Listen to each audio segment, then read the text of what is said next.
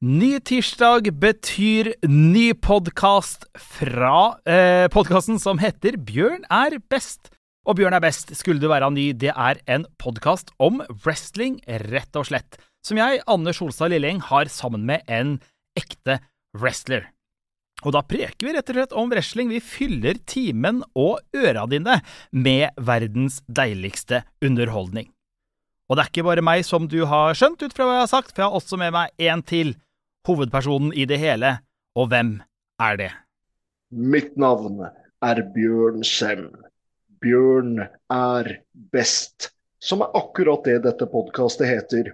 Og jeg er Bjørn. Så eh, Anders, vi eh, skal ta med lytterne på en reise gjennom wrestlingen. fordi eh, i dag så syns jeg at vi skal snakke bitte lite grann om eh, internasjonalt, bitte lite grann om eh, norsk. Og så eh, gå tilbake igjen til gammelt internasjonalt, fordi vi har en kamp i slutten av programmet som eh, folk eh, kan vente på, fra Finland. Som eh, jeg faktisk eh, fikk eh, min kjære til å komme helt til Finland for å se på at jeg wrestlet på det tidspunktet. Så Eh, jeg eh, gleder meg veldig til å eh, se den kampen, og jeg har en liten morsom historie om kommunikasjonen mellom min kjære og de finske wrestlerne som vi kan ta like etter kampen. Den gleder vi oss til, for det er jo sånn her i Bjørn er best at vi ser en kamp eh, som Bjørn har vresla, og så kommenterer Bjørn den kampen og tar oss med gjennom Eh, det som skjer i kampen. Og da kan du se den kampen på YouTube. I episodebeskrivelsen så finner du lenke til den kampen, og så ser du den mens du hører på. Men det kommer vi tilbake til senere. Du, eh, Bjørn, vi skal begynne i Amerika, tror jeg. For der har WWE skaffa seg en ny wrestler. Ja, det er helt riktig.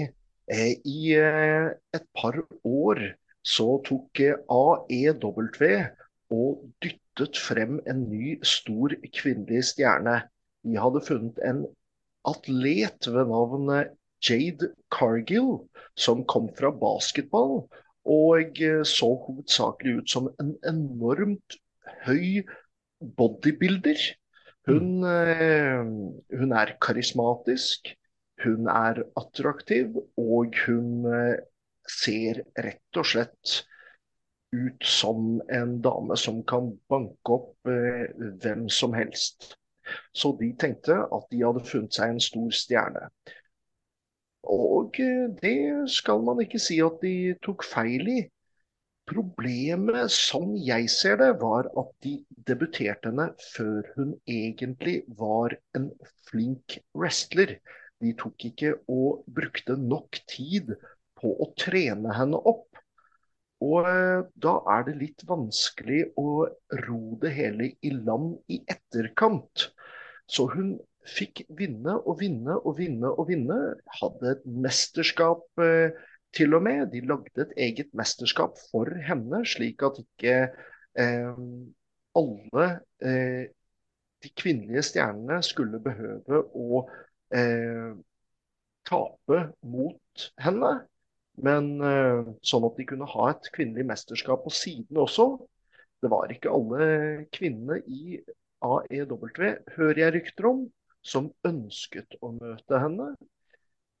Og så eh, finner Jade Car Cargill ut at eh, det er interesse for henne også i WWE, som selvfølgelig er et større wrestlingselskap og eh, hvor hun får en større plattform og mulighet til å bli en større stjerne, og dermed også tjene enda mer.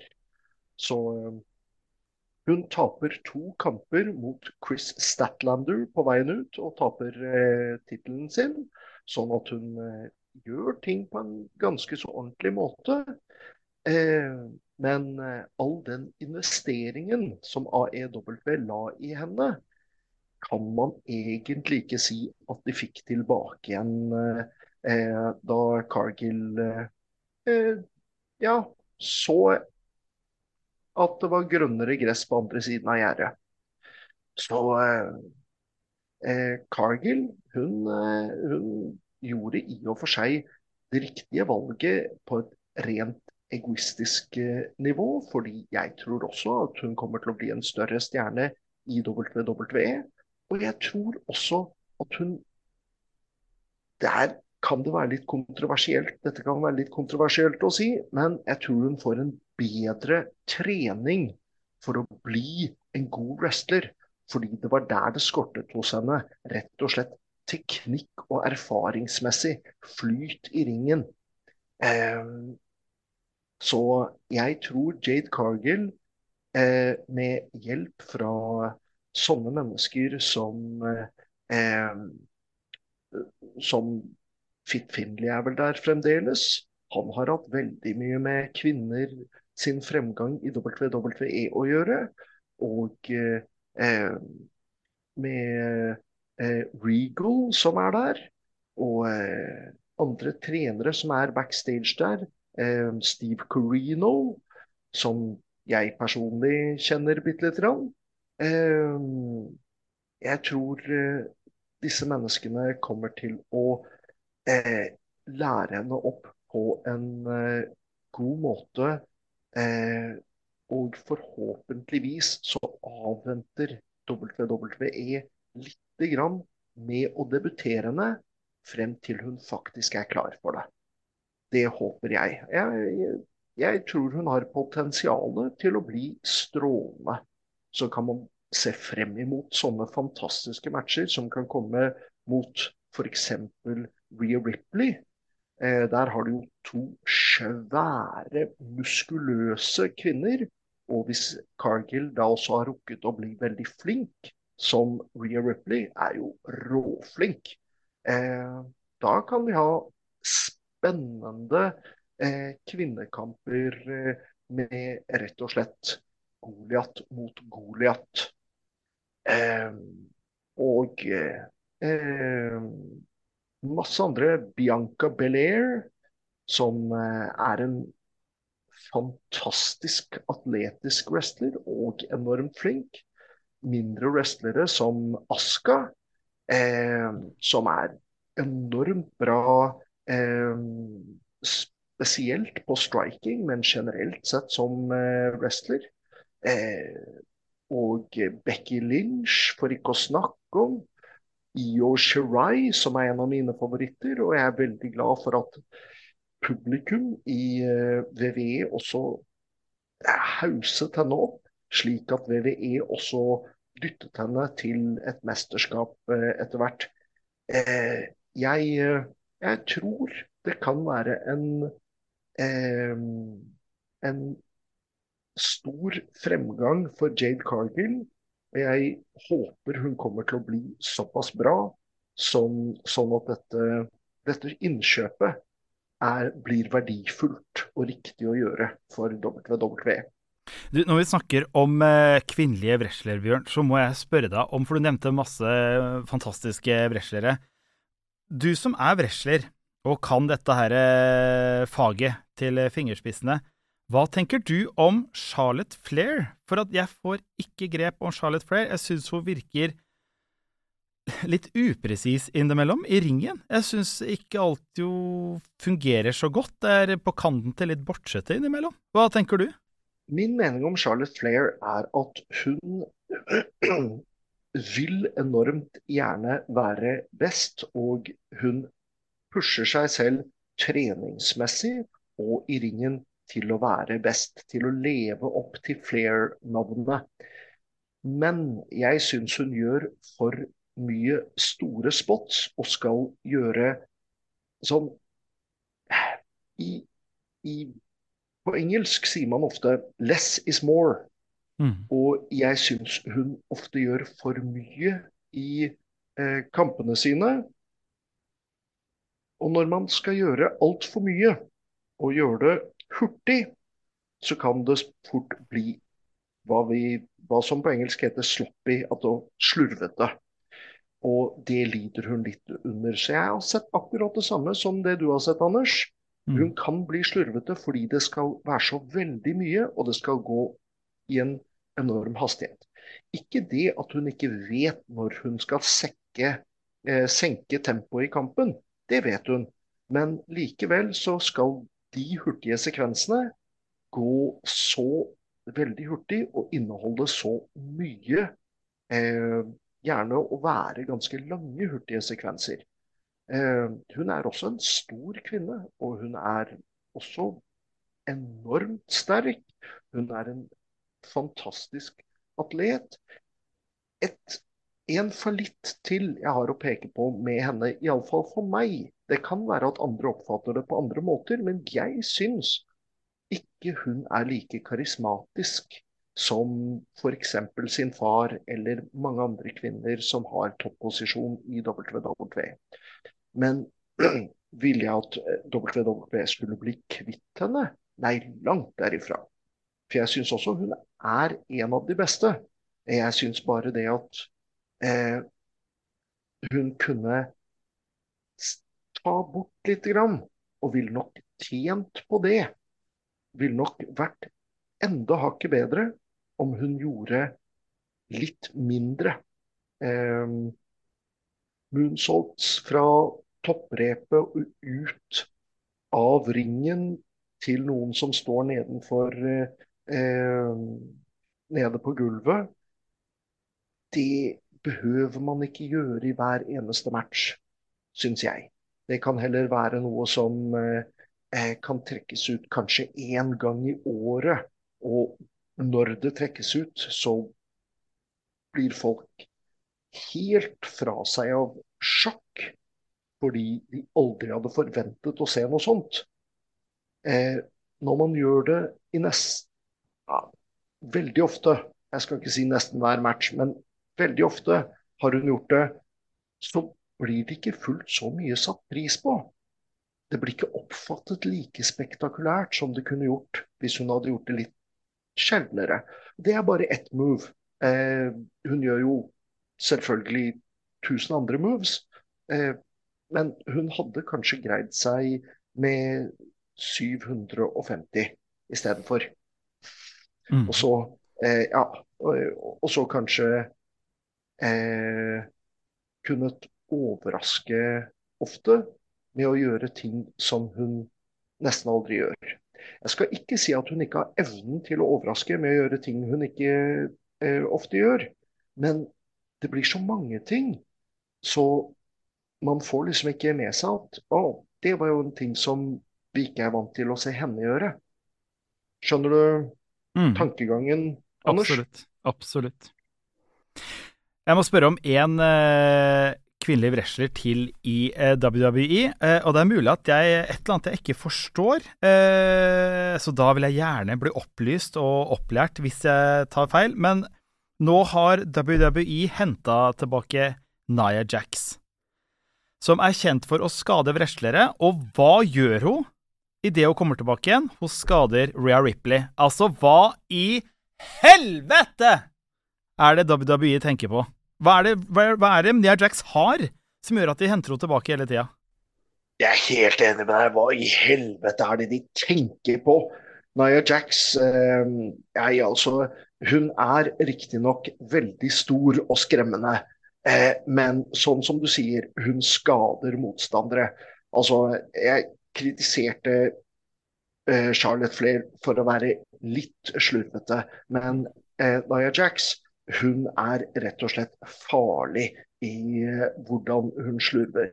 Jeg tror ikke hun gjør det med mening. Jeg tror hun eh, skader folk rett og slett fordi hun ikke har forståelsen av hvordan hun skal behandle dem på en tryggere måte. Jeg så hvordan hun skadet uh, Rhea Ripley, og jeg visste ikke ettermatten av det. Altså med andre ord, jeg visste ikke om Ripley ble, ble skadet, men jeg visste at det Naya Jax gjorde, burde skade Rhea Ripley. Og som du sier nå, du bekrefter det, det forårsaket en skade. Ja, eh, det så rett og slett sånn ut. Ikke fordi ikke det, det movet som kalles et bonsai drop, det var et move som, eh, eh, som eh, Yokozuna var kjent for å gjøre. Som i og for seg også eh, er litt i slekt med Nia Jax, ut ifra hva jeg har forstått. Men eh, eh, Yokozuna hadde evnen, eh, selv om han ikke alltid benyttet seg av den fordi han kunne være litt slem til tider, men han hadde evnen til å vite hvordan han passet på motstanderne sine når han utførte det.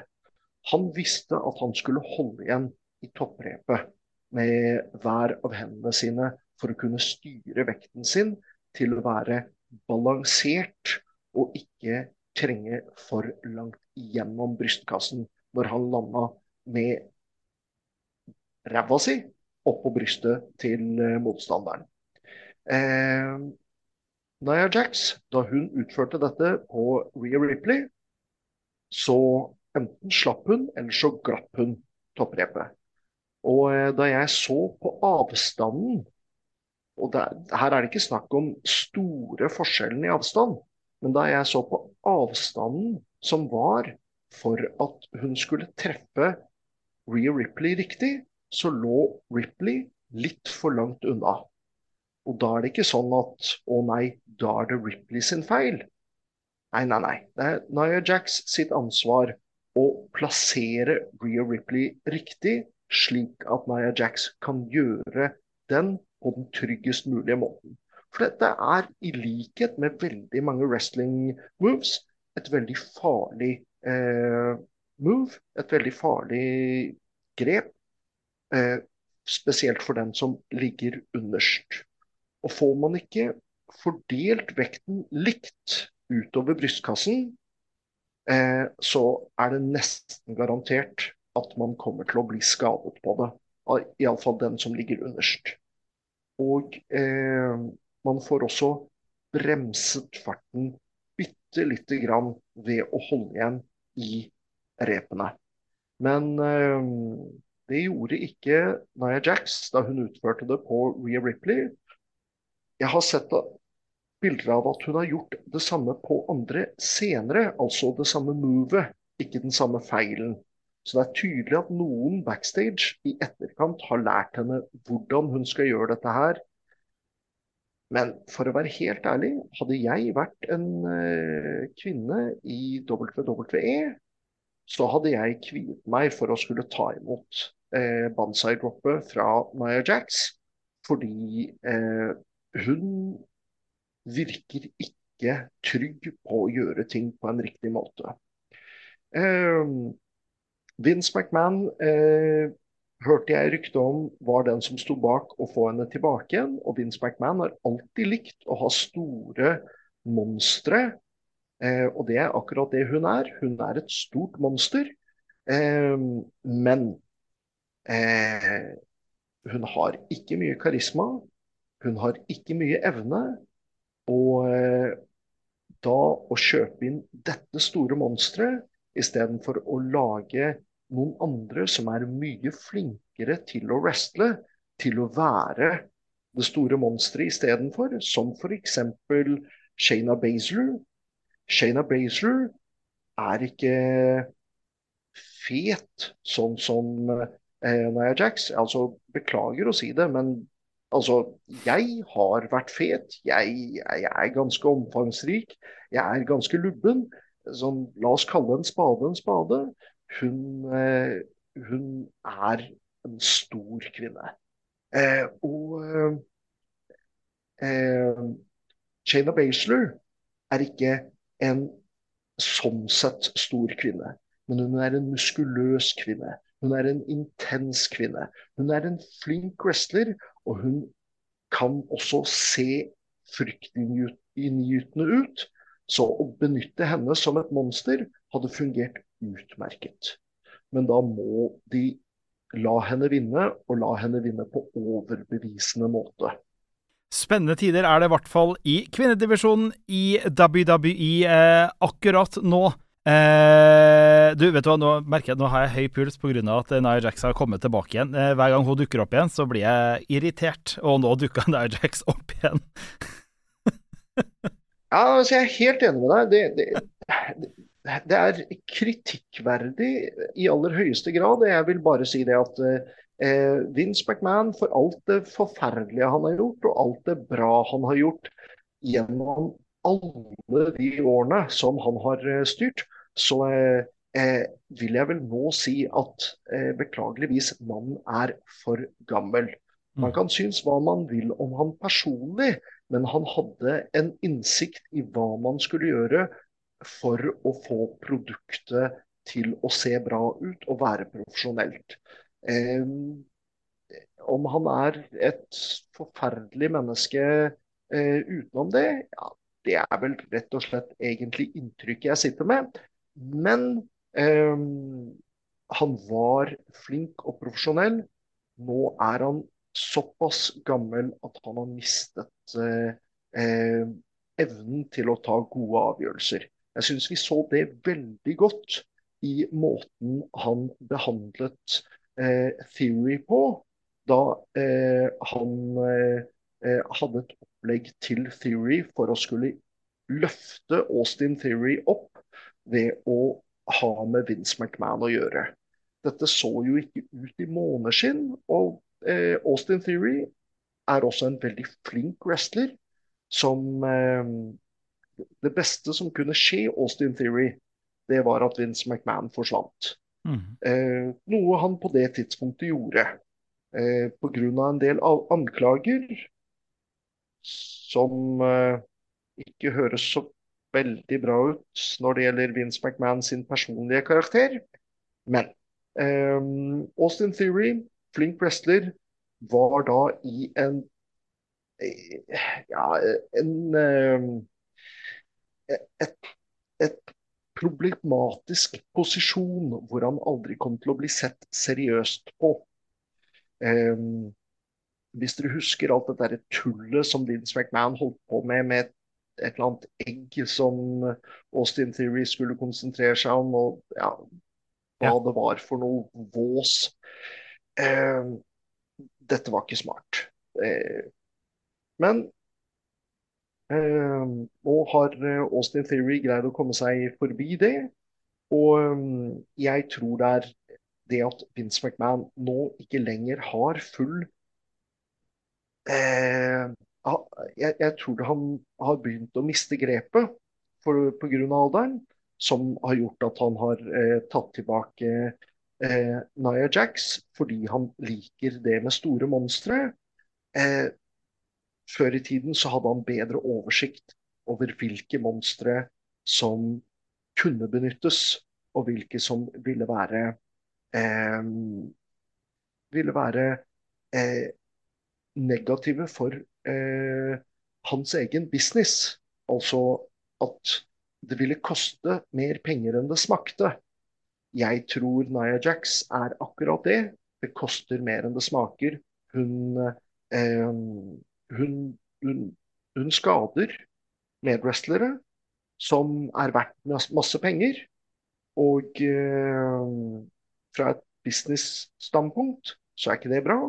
Og fra et menneskelig standpunkt så er ikke det bra. Det, det, det er ikke bra på noen som helst måte. Og eh, det som fort kan skje da også, er jo at en eller annen eh, wrestler som holder på å bli skadet av henne, eller har blitt skadet av henne, ønsker å ta hevn. Da kan man fort få fysiske slåsskamper i ringen. Og plutselig alle de menneskene som sitter der og tenker åh, jeg skulle likt å se en ordentlig slåsskamp mellom disse wrestlerne fremfor en wrestlingmatch. Ordentlige slåsskamper eh, er ikke like spennende å se på vanligvis. Så eh, når man da ser at de plutselig begynner å slåss i ringen istedenfor å wrestle, så ser det som oftest ut som plutselig at wrestlingmatchen har blitt mye dårligere. Mm. En kjedeligere wrestlingkamp. Mm. Dette har jo noen ganger skjedd eh, på TV til og med. Eh, så det, eh, det er sånt som, eh, som man ønsker å unngå hvis man er i Hvis man er i ledelsen av et forbund, så ønsker man ikke å få dem til å begynne å slåss. Det er i hvert fall min strategi.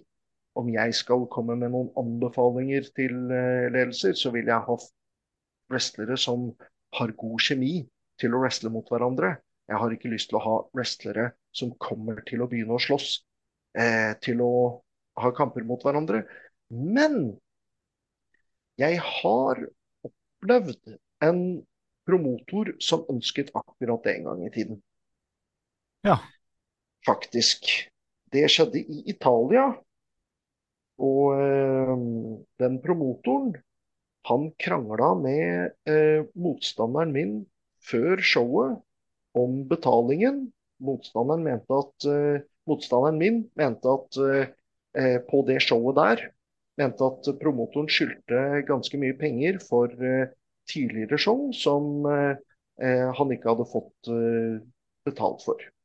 Og promotoren var kjempesur og ja, kom med masse sånne Dette er uprofesjonelt, og ikke ta dette foran alle de andre. Så ja, det høres jo på mange måter ut som begge gjør feil der, for sånt skal man ta på bakrommet. Men hvis man har prøvd å ta det på bakrommet på flere show, og promotoren bare unngår og unnslipper, så vil man jo til slutt ha pengene sine eh, uansett. Så jeg kan i og for seg forstå motstanderen min der. Akkurat på det showet så hadde vi forskjellige dressingrom. Og eh, det holdt på å bli en sånn stor eh, backstage-kamp den gjengen mot den gjengen kamp backstage. Og jeg sa rett og slett oss nordmenn, vi behøver ikke ta noen side. Vi var tre stykker. Vi er mange nok til at uh, hvem enn som går mot oss, de er på den tapende siden, for vi utgjør forskjellen.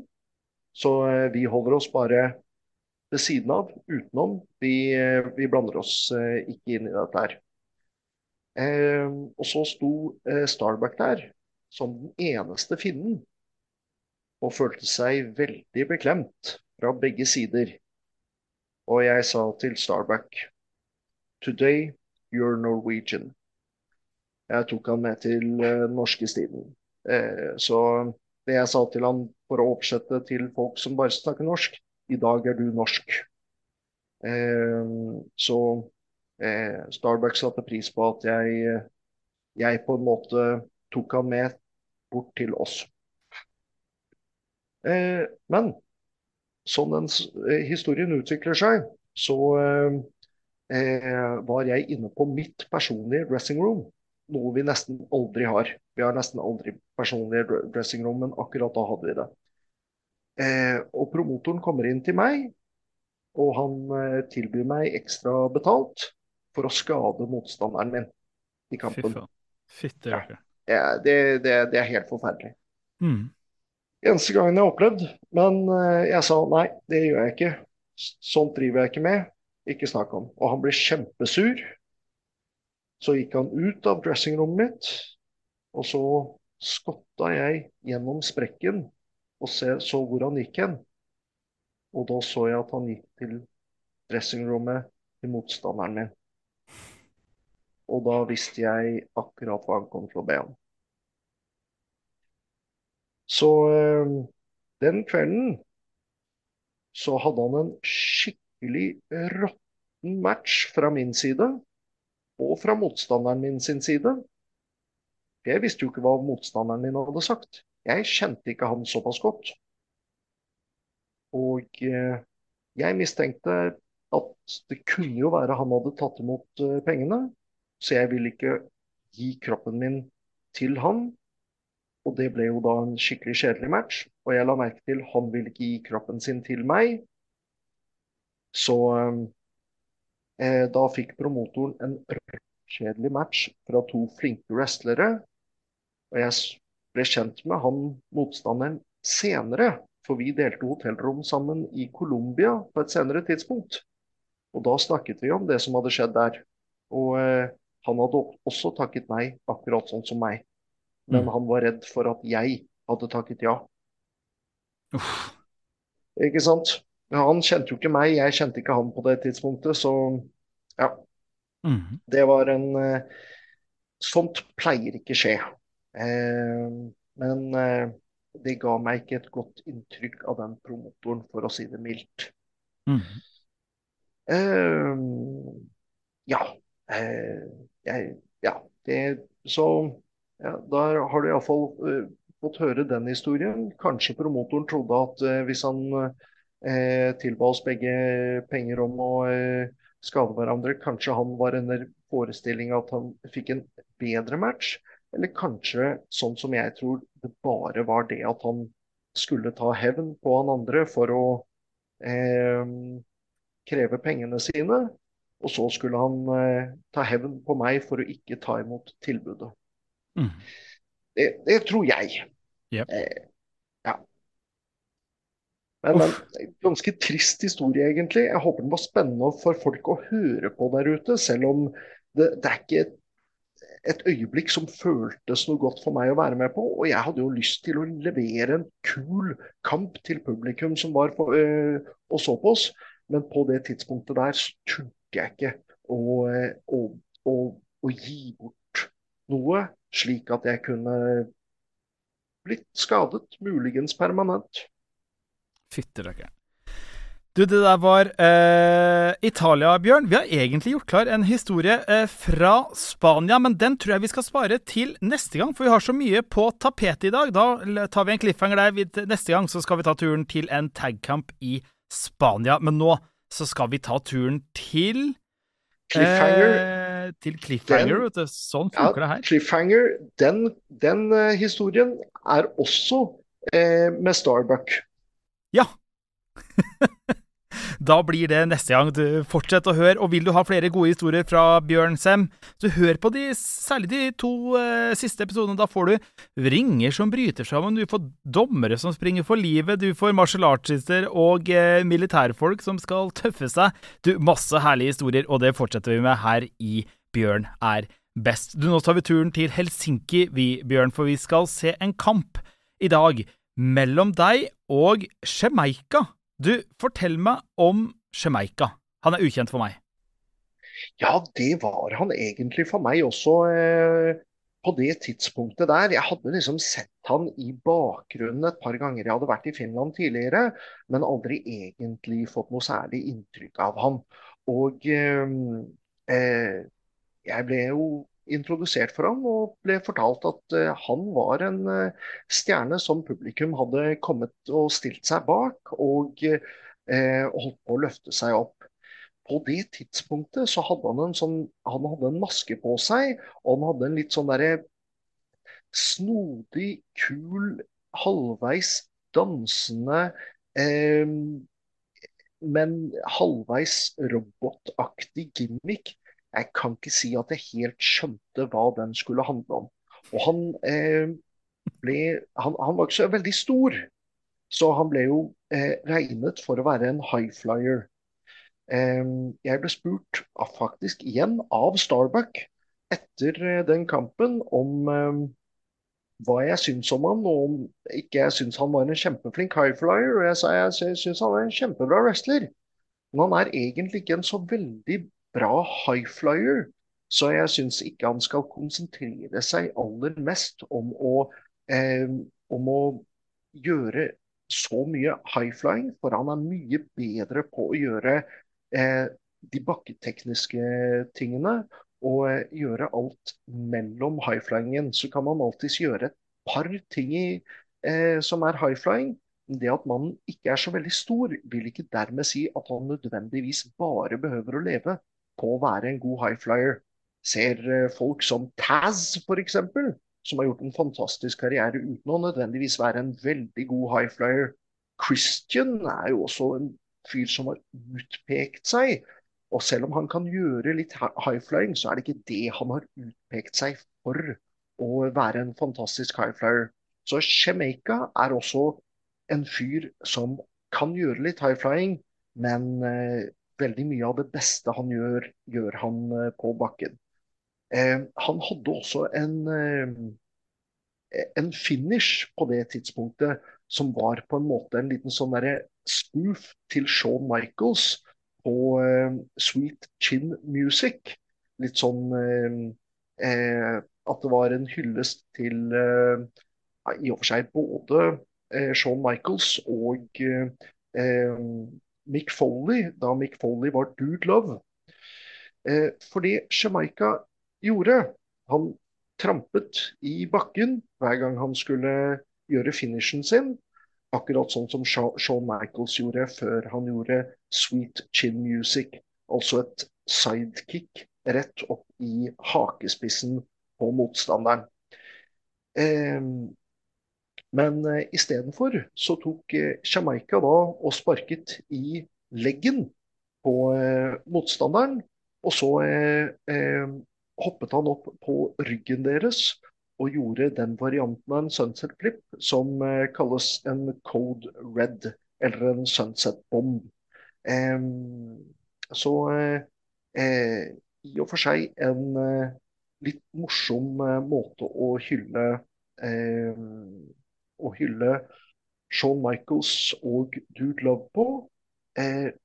men altså etter denne kampen her så eh, tar det ikke så veldig lang tid før Jamaica tar av seg masken. Jeg vet ikke om det var pga.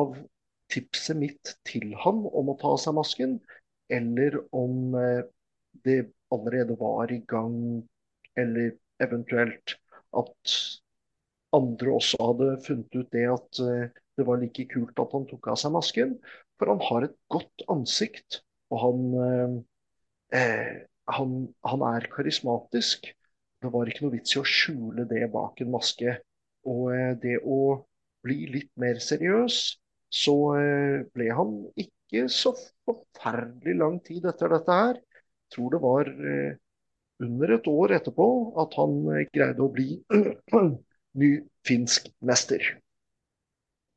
Så eh, vi har en, eh, vi har en en finne som eh, finnene selv har veldig tro på. Og eh, de setter opp i en match mot monsteret fra Norge, Bjørn Sem. Da beveger vi oss til den kampen. Det du gjør da, er at du går inn i episodebeskrivelsen. Der finner du lenka til ukas kamp, som da er Bjørn Sem mot Jamaica. Eh, så det du gjør nå, hvis du må det, så setter du podkasten på pause, går, trykker på lenken, inn på YouTube, og så setter du eh, telleren på 0000, eh, altså 0 minutter og 00 sekunder. Og så skal vi si fra tydelig når du kan starte kampen.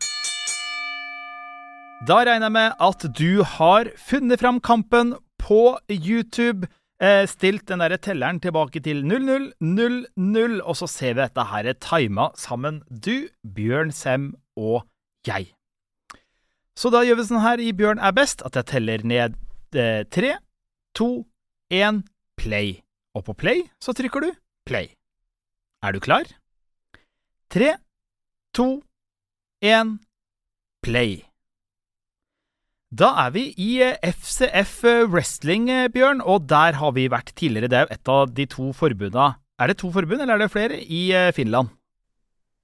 Det er for øyeblikket to forbund i Finland. Det er FCF eh, Wrestling og det er eh, Slam Wrestling Finland. Og um, i ringen akkurat nå så ser vi en dommer som heter Dylan Broda. Han har holdt på å bli trent opp for å bli wrestler på dette tidspunktet her. Og eh, nå er han wrestler og gjør det veldig bra i Slam Wrestling Finland. Her kommer jeg inn til ringen, og eh, dette er del av den perioden hvor jeg var i mitt livs beste form, mm -hmm. tør jeg påstå. Med norskt flagg på ryggen og eh, solbriller, eh, så eh, syns jeg jeg fikk til looket mitt akkurat sånn jeg ønsket. Og som dere ser, så er det fans eh, i publikum med norsk flagg. Eh, og han som leder det an aller mest, han er eh, kanskje min største fan i Finland. Sist jeg var, det var faktisk i Estland, så var det en venn av han som har blitt wrestler, som kjøpte en av T-skjortene mine eh, for å gi til eh, han. Eh, men det er flere han har med seg bak der også, som eh, heier på meg. The God of Norwegian Wrestling, eller eh, norsk den norske wrestlingens gud, som jeg kaller meg i eh, Finland. Eh, og som lytterne kanskje hører, Bjørn, så er det, eh, er det um, Depeche Mode med Personal Jesus som du går inn til ringen med. Det har man sikkert hørt gjennom flere kamper nå. Hvordan havna du på den låta der? Det, det visste jeg fra eh, jeg begynte å trene wrestling. Så visste jeg at det kom til å være låta mi. Eh, og eh, jeg eh, Ja, den, den den passer meg så godt. Eh, her ser vi Jamaica danser inn til ringen. Så jeg, jeg, tror dere skjønner litt av hva jeg snakket om. At han skulle være en eh, robot, men samtidig litt dansende og litt komisk. Eh, Depeche Mode Jeg er enormt glad i eh, Depeche Mode. Eh, og eh, det å ha selvtilliten på vei inn i uh, ringen um, Ja, Depeche Mode passer for å sette den følelsen i kroppen min. Så um, siste delen som skal til for meg for å psyke meg opp til en kamp, det er å høre den derre lille klingplong-lyden som, som kommer helt i starten av um, eh, Personal Jesus. Hvordan blir det mottatt i eh, miljøet? For han er jo da, som du sa, eh, wrestler, kanskje ikke den beste eh, highflyeren. At han bruker maske litt sånn som luchadors. Hvordan blir det mottatt? Jeg tror at grunnet størrelsen hans, så tenkte de, eh, eventuelt han, veldig at han burde ha luchador-inspirasjon og å være en highflyer. Um, han har uh, utviklet seg med mindre konsentrasjon på både lucha og highflying i etterkant, men her var det fremdeles en ting han brydde seg veldig mye om. Som dere ser, størrelsesforskjellen her er um, stor. Jeg er over et hode høyere enn han. Det høres kanskje ikke fullt så høyt ut for folk som det egentlig er, men hvis dere går og eh, overfor noen som dere enten tenker på som mye høyere enn dere selv, eller mye lavere, og ser hvor mye det egentlig er, så er det veldig sjeldent at det faktisk utgjør mer enn ett hodes forskjell.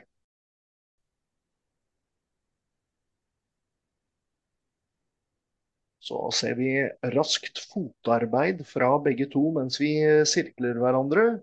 Syns det er litt uh, gøy at en mann på min størrelse kan gjøre litt raskt uh, fotarbeid. Mm. Og så slenger jeg ham ned fordi jeg er ærlig talt eh, Ja, om ikke dobbelt så sterk som han, så i hvert fall bortimot. Og veier også mye, mye mer enn han. På tross av at han, Jamaica, veier mye mer enn han ser ut til. Han er mye tyngre enn eh, han ser ut til. Sånn sett så snakker man ofte om at uh, noen wrestlere er tunge som potetsekker. Men det er som oftest fordi de ikke er flinke til å gå med i kast. Det er mm. ikke det jeg snakker om med Jamaica. Men han var bare egentlig rett og slett ganske så tung. Eh, jeg vil anta at han veide noe sånt noe som 85 eh, kilo, og det skulle man jo ikke tro ut ifra å se størrelsesforskjellen vår.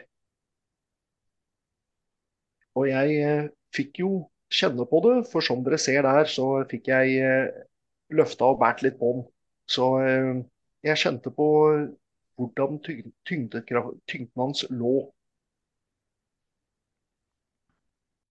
Men er det en ting du vet før kampen starter, eller er det, det litt på en måte det du gjør det første ganske løftende og så dæven, han var tyngre enn jeg trodde? Det var sånn det foregikk her. Ja. Å, dæven, han var tyngre enn jeg trodde. Ja. eh, eh, det varierer jo veldig. Eh, har man tidligere erfaring med vedkommende, så vet man jo som oftest sånt. Mm. Eh, der skjer det faktisk en bitte liten miss. Jeg hadde tenkt til å ta han imot for å kunne legge ham over skulderen min på den måten der. Og eh, jeg kaster han inn så han lander med ribbeina på strekkfisken i eh, hjørnet. Eh, det så nok ekstremt kult ut for de fansene som satt rett foran, og for alle de fansene som satt oppe på eh, tribunen over. Men for de som er på sidene av ringen, eller de andre sidene, eh, så så de nok ikke fullt så godt hva som skjedde. Uheldigvis. Men jeg syns, og for kamera, for TV, så syns jeg også det så veldig kult ut at jeg slang han med ribbeina oppå strekfisken. Det er forresten noe jeg ikke tror jeg har sett før, at noen kaster noen oppå strekkfisken på den måten der. Det tror jeg egentlig ikke jeg har sett. Topp, toppen, ja, men ikke der, der nede. Nei, jeg, jeg så noen andre gjøre det en gang og tenkte den her må jeg ta med meg. Det kan jeg gjøre en eller annen gang. Mhm. Eh, ja, så eh, må jeg jo si det at det å gripe ansiktet til folk og rive og dra i ansiktet og, å rive og dra dem over repene, kvele dem på repene, er jo noe som er veldig tydelig for publikum. Så en god måte å fortsette å, å være aggressiv på, men samtidig ta ned hastigheten i kampen. Um, for en kamp burde gå opp og ned i hastighet. Mhm. Eh, det gjør det mye mer spennende når det er temposkifter. Det får også de tidspunktene hvor tempoet går opp, til å se mye mer imponerende ut enn hvis tempoet er konstant, likt gjennom hele kampen.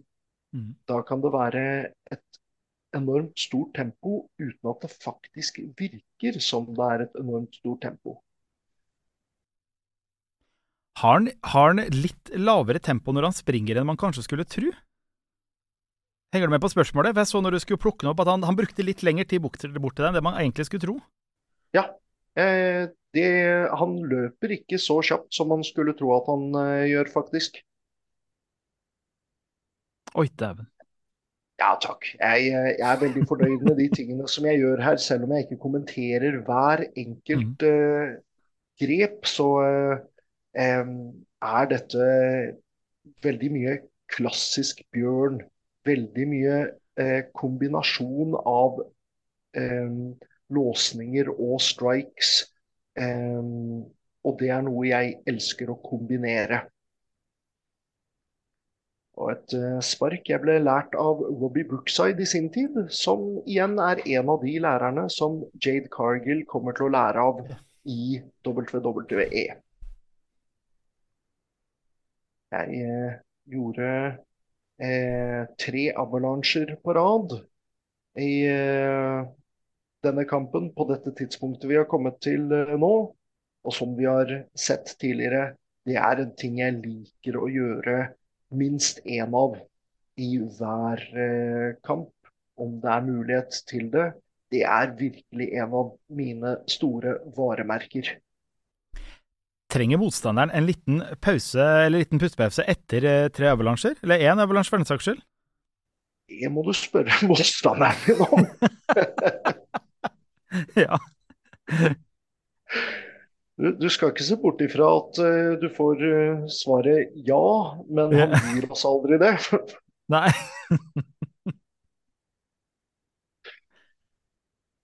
Så ja, det er på sin plass å krangle litt med dommeren når han ikke teller tre, og jeg vil at han skal telle tre. Du, du snakka litt om det i stad, Bjørn, men hvor er Jamaica i karrieren sin på et tidspunkt her? Er han liksom den det alle heier på, eller er du sånn veldig heal, eller er det litt mer sånn at du må jobbe litt for å bygge heat, eller hvordan fungerer det? Hvor er Jamaica nå?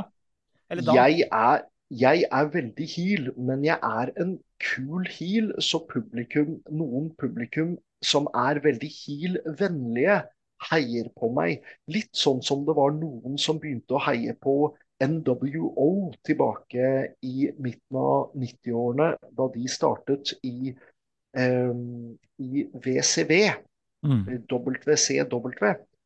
Eh, så eh, du har den lille seksjonen på midten med det norske flagget, og spesielt han ene som holder det norske flagget i fronten, som eh, heier på The Norwegian God of Wrestling. Og så har du resten av publikummet som eh, heier på motstanderen min og syns han er ustyrtelig kul. Mm. Jeg burde nok gjort enda mer verbalt i forhold til publikum eh, på eh, dette showet her. Men jeg syns at jeg får til å være en drittsekk på en god måte. Rett og slett bare å være diger, dominerende og å se ut til å nyte og eh, grisehjule eh, motstanderen min. Eh, ikke alltid på, på, eh, på akseptable måter. Eh, det som skjedde i det første hjørnet der, eh, Bjørn, hvor han, du smeller inn, og så kommer han på en måte og setter seg på ryggen din, var det meninga, eller var det en glipp? Det var en glipp. Han ja. hadde tenkt til å hoppe over meg og bak meg, men nådde ikke det. Så ja ja, sånt skjer. Mm. Ingen stor fare med det. Nå sendte jeg ham i repene, sparka den i magen og setter opp for en powerbomb. Men den kontrer han ved å holde igjen i hodet mitt og slå meg i huet. Mm. ja ja, Sånn kan det gå. Sliced bread number two heter det grepet der. Mm. Det er noe som ble oppfunnet av Brian Kendrick i sin tid. Um, og for fans av wrestling fra 90-årene, så Eller tidlig 2000-tallet var det vel Brian Kendrick først ble ordentlig kjent. Eh, han var en av de som trente på skole sammen med eh, Brian Danielson, eller Daniel Bryan, som han het i WWE, som eh, mange eh, kjenner til. Så eh, ja, eh, Jamaica viser at han har en god innsikt i internasjonal wrestling, han også, som har mm. plukket opp sånne grep som sliced bread nummer to, som ikke alle kjenner til. Jeg eh, satte han opp for en ny powerbomb, men så ombestemte jeg meg og gjorde en standing suplex istedenfor. Eh, jeg eh, husker ikke helt hvorfor jeg ombestemte meg, men jeg må jo si det at jeg er fornøyd med, eh, med serien jeg der eh, leverer med å gi en standing suplex og så eh, følge opp med en eh, senton midt i ringen. Eh, senton er en eh, Når man har motstanderen liggende flatt ut på matta, og så kaster man seg opp i luften og lander med ryggen oppå eh, brystet og magen hans, det er en sentom. Og eh, vi ser highflyingen eh, i effekt fra Jamaica. Ser vi faktisk en slingblade eh, som han utfører på meg. Noe Seth Rollins i WWE og Finn Balor er veldig kjent for å utføre. og en ung bodyslam mm. som eh, det var faktisk en av de tingene som ble nevnt i forkant av matchen, hvor jeg var egentlig litt skeptisk til å la han få utføre en bodyslam. Men han ønsket så veldig å få inn en bodyslam på meg, så tenkte jeg ja, han er finsk, vi er i Finland. Han skal få lov til å utføre en bodyslam på meg hvis han greier det. og det greide han jo, men det, det, det var ikke lett. Er det det som gjør at du er eh, skeptisk? For at du er redd for at han ikke skal klare det? Egentlig ikke. Eh, hvis han mener at han greier det, og ikke greier det, da, da, da har han egentlig eh, driti seg ut. Hvis han ikke da ikke greide det med mening. Mm. Så eh, jeg satset jo på at eh, han faktisk kom til å greie det. Men eh, jeg er såpass stor, og han mm. er såpass liten, så det gjør ikke, gjør ikke, meg noen tjenester. Jeg ser på en måte litt mindre ut ved at mm. en så liten mann greier å bodyslamme meg. Nå kommer det et folk, en gjeng inn mot ringen, Bjørn. Hva er det som skjer nå? Jo, det er eh, den onde fraksjonen i eh, FCF, som da prøver å hjelpe Jamaica å vinne, selv om han egentlig ikke vil ha noe med dem å gjøre. De har gitt ham tilbud tidligere om å være med dem. Så de distraherte dommeren og eh, ga eh, Jamaica en stol som han kunne kline til meg i hodet med må se, si at jeg syns eh, den så ganske brutal ut, eh, det mm. stolslaget der. Absolutt. Ja, eh, og eh, da vant Jamaica mot det svære, ustoppelige monsteret. Eh, og det var en seier som betyr veldig mye i Finland. Mm. Så selv om han da er publikumsfavoritt, og fikk hjelp av den slemme fraksjonen som har villet at han skulle skifte side og komme over til eh, dem, eh, så var han villig til å ta imot den hjelpen for å beseire meg. Så eh, dette er en langvarig historie de forteller i Finland på dette tidspunktet her. Eh, den ender etter hvert med at han blir med i uh, den slemme fraksjonen. Bare for å stikke dem i ryggen etterpå og få enda mer publikumsjubel eh, eh, på sin side. Så det er Jeg fikk inntrykk av at det var en vellykket og kul historie de fortalte på det tidspunktet der, som på mange måter gjorde ham klar til å bli ny finsk mester. Um, og uh, uh, ja, da har vi jo egentlig gått gjennom hele denne uh, kampen her. Jeg, jeg, er fornøyd med den. Jeg syns det var en bra kamp. Men hadde jeg ikke vært fornøyd med den Ja, takk, takk. Hadde jeg ikke vært fornøyd med den, så hadde jeg heller ikke Da hadde vi ikke tatt den som en av kampene til eh, podkasten. Og så, Bjørn, eh, nå som kampen er ferdig, du hadde jo med deg eh, bedre halvdel til Finland for å se denne kampen. Ja, jeg hadde det. Og eh, vi hadde det kjempefint i Finland. Og hun eh, fikk eh, møte masse kule finner, masse kule finske wrestlere. Hun ble helt bergtatt av hvor kule mennesker som var i det finske wrestlingmiljøet. Og For det hadde hun overhodet ikke forventet. Men hun syntes jo at det var ganske utenom det, når vi ikke var rundt dem og hadde det kjempehyggelig, så, så var det litt kjedelig i Helsinki på vinteren, syns hun. Men eh, siden de kom så godt overens med henne, hun kom så godt overens med dem. Så eh, var det en av dem, jeg husker ikke hvem av dem det var. Jeg lurer på om det var eh, Johanna King Kong Carola som spurte henne om eh, eh, det var bedre wrestling nå når hun hadde sett det showet der i eh, Finland eller i Norge. Og eh, de fleste som kommer til et annet land i wrestlingsammenheng, vil da kanskje være litt vage, eventuelt gladgjøre det landet de kommer til ved å si ja, ja, nei, deres er Wrestlingen deres er kulest.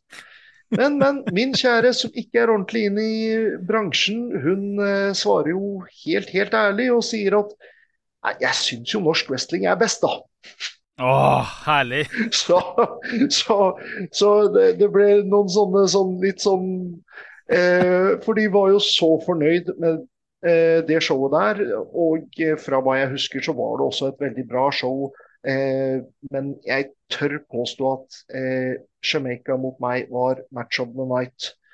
Eh, det, jeg mener å huske at den var det, men jeg mener også å huske at helhetlig var dette showet her bedre enn det forrige finske wrestlingshowet vi så. Jeg skal ikke si at meg mot Jamaica var bedre enn meg mot Jake Lupe. Eh, eh, og eh, eh, min mening er også at Jessica Love på det forrige showet hadde en så fantastisk eh, match at den ville slå det som var på dette showet som vi nettopp så her nå, men helhetlig. Hvis man går på den generelle kvaliteten på matchene, så tør jeg si at dette showet her var hakket bedre enn det vi eh, det, Hele det showet eh, som den siste finske FCF-matchen vi så, var fra. Uttrykket jeg meg tydelig og klart der, eller ble det veldig rart og våsete for folk å eh, følge med på? Jeg tror folk hang med at det her generelt var et bedre show enn det forrige vi så. Ja, beklager om det ikke var eh, tydelig nok, men uh, du har helt rett, Anders. Dette var helhetlig et bedre show. Mm. Hvis jeg har skjønner det, da skjønner alle det, Bjørn. Jeg er ganske treg. Nei, det tror jeg absolutt ingenting på, Anders. Jeg har et veldig godt inntrykk av deg som en svært så oppgående eh, person. Og eh, jeg, er, jeg er ganske sikker på at generelt sett så er også publikummet vårt ganske så oppegående. Fordi yep. min, ja, min oppfattelse er at uh, for å følge med på dette her, eh, at vi to snakker sammen, at eh, folk får med seg at dette foregår og sånn. Ja, det gir meg to pluss i boken. Jeg er ganske sikker på at eh, folk der ute som følger med på dette her, er gjennomsnittlig uh, over gjennomsnittet oppegående. oppegående. Det tror jeg også. Du, vet du hva? Vi begynner å nærme oss slutten av ukas eh, sending. Vi må snakke litt om de kampene Bjørn skal ha nå i, de, nå i oktober. Det er jo skikkelig wrestlingmåned for oktober. Vi ligger litt før skjema med innspillinga, så når du hører dette greiene her, så har da Bjørn vært i Bergen og wrestla. Også til helga, når du hører på, hvis du hører på det her med en gang episoden kommer ut, så er det kamp nummer to i denne måneden. Og da, Bjørn, er det kongen på haugen. Det er helt riktig. Kongen på haugen. 14. oktober på Sagene festivitetshus. Dørene de åpner klokka Hva er det, Anders? Det skal jeg finne ut av mens du forteller videre. Ja. ja. Du kommer tilbake med informasjonen om det. Jeg kommer til å være backstage en god stund før dette, for jeg kommer til å eh, være helt sikker på at jeg har kontrakten klar når MIP eh, ikke kommer til å ha noe som helst annet valg enn å skrive under på en kontrakt der han skal møte meg én mot én og ikke ha noen utvei. For det er jo det han har gjort begge de gangene han skulle møte meg. Han har funnet snikmåter å komme seg unna på. Men denne gangen, denne gangen må han skrive under på en kontrakt om å møte meg én mot én uten utvei. Og utenom det så skal vi også begge to, for ikke å snakke om Hannibal, for ikke å snakke om eh, Garm Støylen, Allan Ackles for øvrig, det må jeg si når vi først er her. Alan Ackles mistet sin far, Stephen Ackles, nå nylig. Og eh, jeg vil bare si eh, kondolerer. Og eh, jeg møtte Steven selv og snakket litt med han naturlig nok om Allan, og han ga meg et veldig positivt inntrykk. Så Allan Ackles kondolerer for ditt tap og eh, føler med deg i din sorg. Eh, jeg regner med at Allan er eh, klar igjen til 14.10 og kommer til å deltas. Derfor jeg nettopp nevnte ham til Kongen på haugen. Men hvis han må unngå det showet, så er det selvfølgelig fullstendig for, forståelig. For det å miste en far, det har jeg vært igjennom selv. Og det er en tung ting å gå igjennom. Så tilbake til Kongen på haugen. Vinneren av Kongen på haugen og de fleste eh, fans av wrestling i Norge og i Skandinavia generelt sett har nok sett VVE sine Royal Rumble-matcher. Kongen på haugen minner veldig om en Royal Rumble. Det kommer en ny wrestler inn til ringen annethvert minutt. Måten man blir eliminert på, er å bli kastet ut over topprepet og lande på bakken utenfor ringen. Og siste mann som står igjen, er vinneren. Han er kongen på haugen, og han får en norgesmestertittelkamp på Powerslam i november. Det største årlige norske wrestlingshowet. Så det er selvfølgelig en enorm prestisje å vinne en Kongen på haugen-match, men det er også en match som er ekstremt underholdende for folk å følge med på. Eh, det pleier alltid å være enormt populært eh, for eh, folk flest å se en Kongen på haugen-match, for det er så mye vill action som skjer med så mange wrestler, forskjellige wrestlere inni ringen samtidig. Og eh, eh, ja, man eh, blir veldig fort angrepet i ryggen idet man holder på å denge løs på noen andre. Så alltid en spennende ting å komme seg inn i. Jeg aner ikke hvilket nummer jeg kommer til å få i Kongen på haugen ennå. Det kan være at jeg får nummer én. Det kan være at jeg får det siste nummeret. Det er det som er forskjellen på den norske Kongen på haugen-kampen og WWE sin Royal Rumble. Royal Rumble inneholder alltid 30 mann. Vi vet ikke hvor mange som eh, eh, Kongen på haugen inneholder. Det har vært eh, alt fra eh, noen og tyve til 36 eh, wrestlere som har deltatt i Kongen på haugen i tidligere år.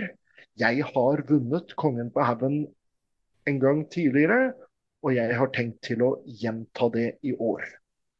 Så om jeg får nummer én, eller om jeg får nummer 23, 24, hva det nå skulle være for noe Jeg trener kondis, kondis, kondis sammen med en del styrke for å eh, være der fra om så jeg må fra begynnelse til slutt. Det blir spennende, og vet du hva, du skal få høre alt om Kongen på haugen neste uke her på eh, i Bjørn er best. Og så, Bjørn, du skal ha en kamp til nå i oktober, for den 21. så skal du tilbake til England. Ja, tredje wrestlinghelgen på rad. Det var Bergen. Så kom eh, 14. Eh, oktober Oslo med Kongen på haugen, som er neste. For meg så har ikke Bergen skjedd ennå. Men så skal jeg tilbake igjen til England. Hertz and Essex Wrestling 21.10. Og der skal jeg ha en kamp mot Richie Delight. En mann som har gått meg på nervene, på, og det har tatt ham veldig kort tid å gjøre det. Han eh, eh, samlet seg med et par eh, kompiser, og eh, eh, de De angrep meg på slutten av en kamp. Altså den jeg hadde kamp, kamp mot, pluss Richie Delight og en til. Så Richie var egentlig den utspillende faktoren i akkurat den kampen som kostet meg eh, å vinne tilbake Hertz and Essex verdensmestertittelen som jeg tidligere hadde. Altså som jeg hadde før pandemien. Så eh, jeg møtte mesteren, og mesteren fikk hjelp. Eh, og mesteren ble diskvalifisert, og man taper ikke en verdensmestertittel i wrestling på å bli diskvalifisert. Ikke med mindre det er en spesiell stipulasjon for akkurat det i kontrakten. Generelt sett man, taper man ikke en tittel på diskvalifikasjon, selv om man taper matchen. Um, så denne gangen har jeg tenkt til å ta hevn på Richie Delight. Uh, så her i Norge skal jeg ha hevn på Tommy P. I England skal jeg ha hevn på Richie Delight.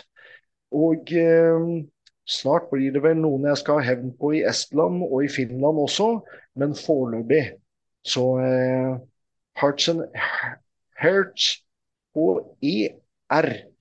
Hertz and Essex Wrestling i England. Det går fint an å sjekke det ut på nettet. Er du i nærheten av eh, Essex i England i, eh, i den helgen, 20., 21., 22. oktober, så eh, kom og se på eh, Hertz Nessex Essex eh, Wrestling 21.10 og se meg banke livskyten ut av for så vidt en veldig flink wrestler, Richie Delight, men jeg kommer til å kaste ham høyere enn han noensinne har blitt kastet, ta tak i ham på vei ned og slamme ham gjennom matta. Så eh, kommer jeg tilbake igjen til Norge for eh, Powerslam i november, og det som settes opp på Powerslam i november, det skjer på Kongen på haugen. Så eh, er dere noe sted i nærheten av Oslo 14.10, så kom på Kongen på haugen. Bare sjekk ut wrestling.no for eh, detaljer om å få billetter. Jeg gleder meg som en unge til å se Tommy P måtte skrive under på en kontrakt han absolutt ikke ønsker å eh, eh, skrive under på, og enda mindre ønsker å måtte gjennomføre kampen som følger av. Og ved siden av det så eh, kommer selve Kongen på haugen-kampen og et par andre matcher også i forkant. Så det er en stor wrestlingopplevelse i vente 14.10 på eh, Sagene festivitetshus. Showet starter klokken 19.00, og dørene åpner 18.30. Det var det vi rakk her i dag i eh, denne wrestling-podkasten. Jeg håper du koser deg. Spre ordet, fortell alle som eh, liker wrestling, eller som er nysgjerrig på wrestling, eller som trenger noe å høre på. Du, ta det med inn i denne wrestling-verden her. Eh, og så prekes vi mer neste uke, og da gleder jeg meg skikkelig til å høre åssen det gikk i Bergen, og åssen det gikk eh, på Kongen på haugen. Og du, når du nå da går ut i dagen, i natten, i verden, så er det én ting man skal huske på. Bjørn er best, og jeg er bjørn. Så eh, hvor enn redd du er for enhver skygge du møter i den mørke natten nå på høsten, så behøver du ikke bekymre deg for noen ting.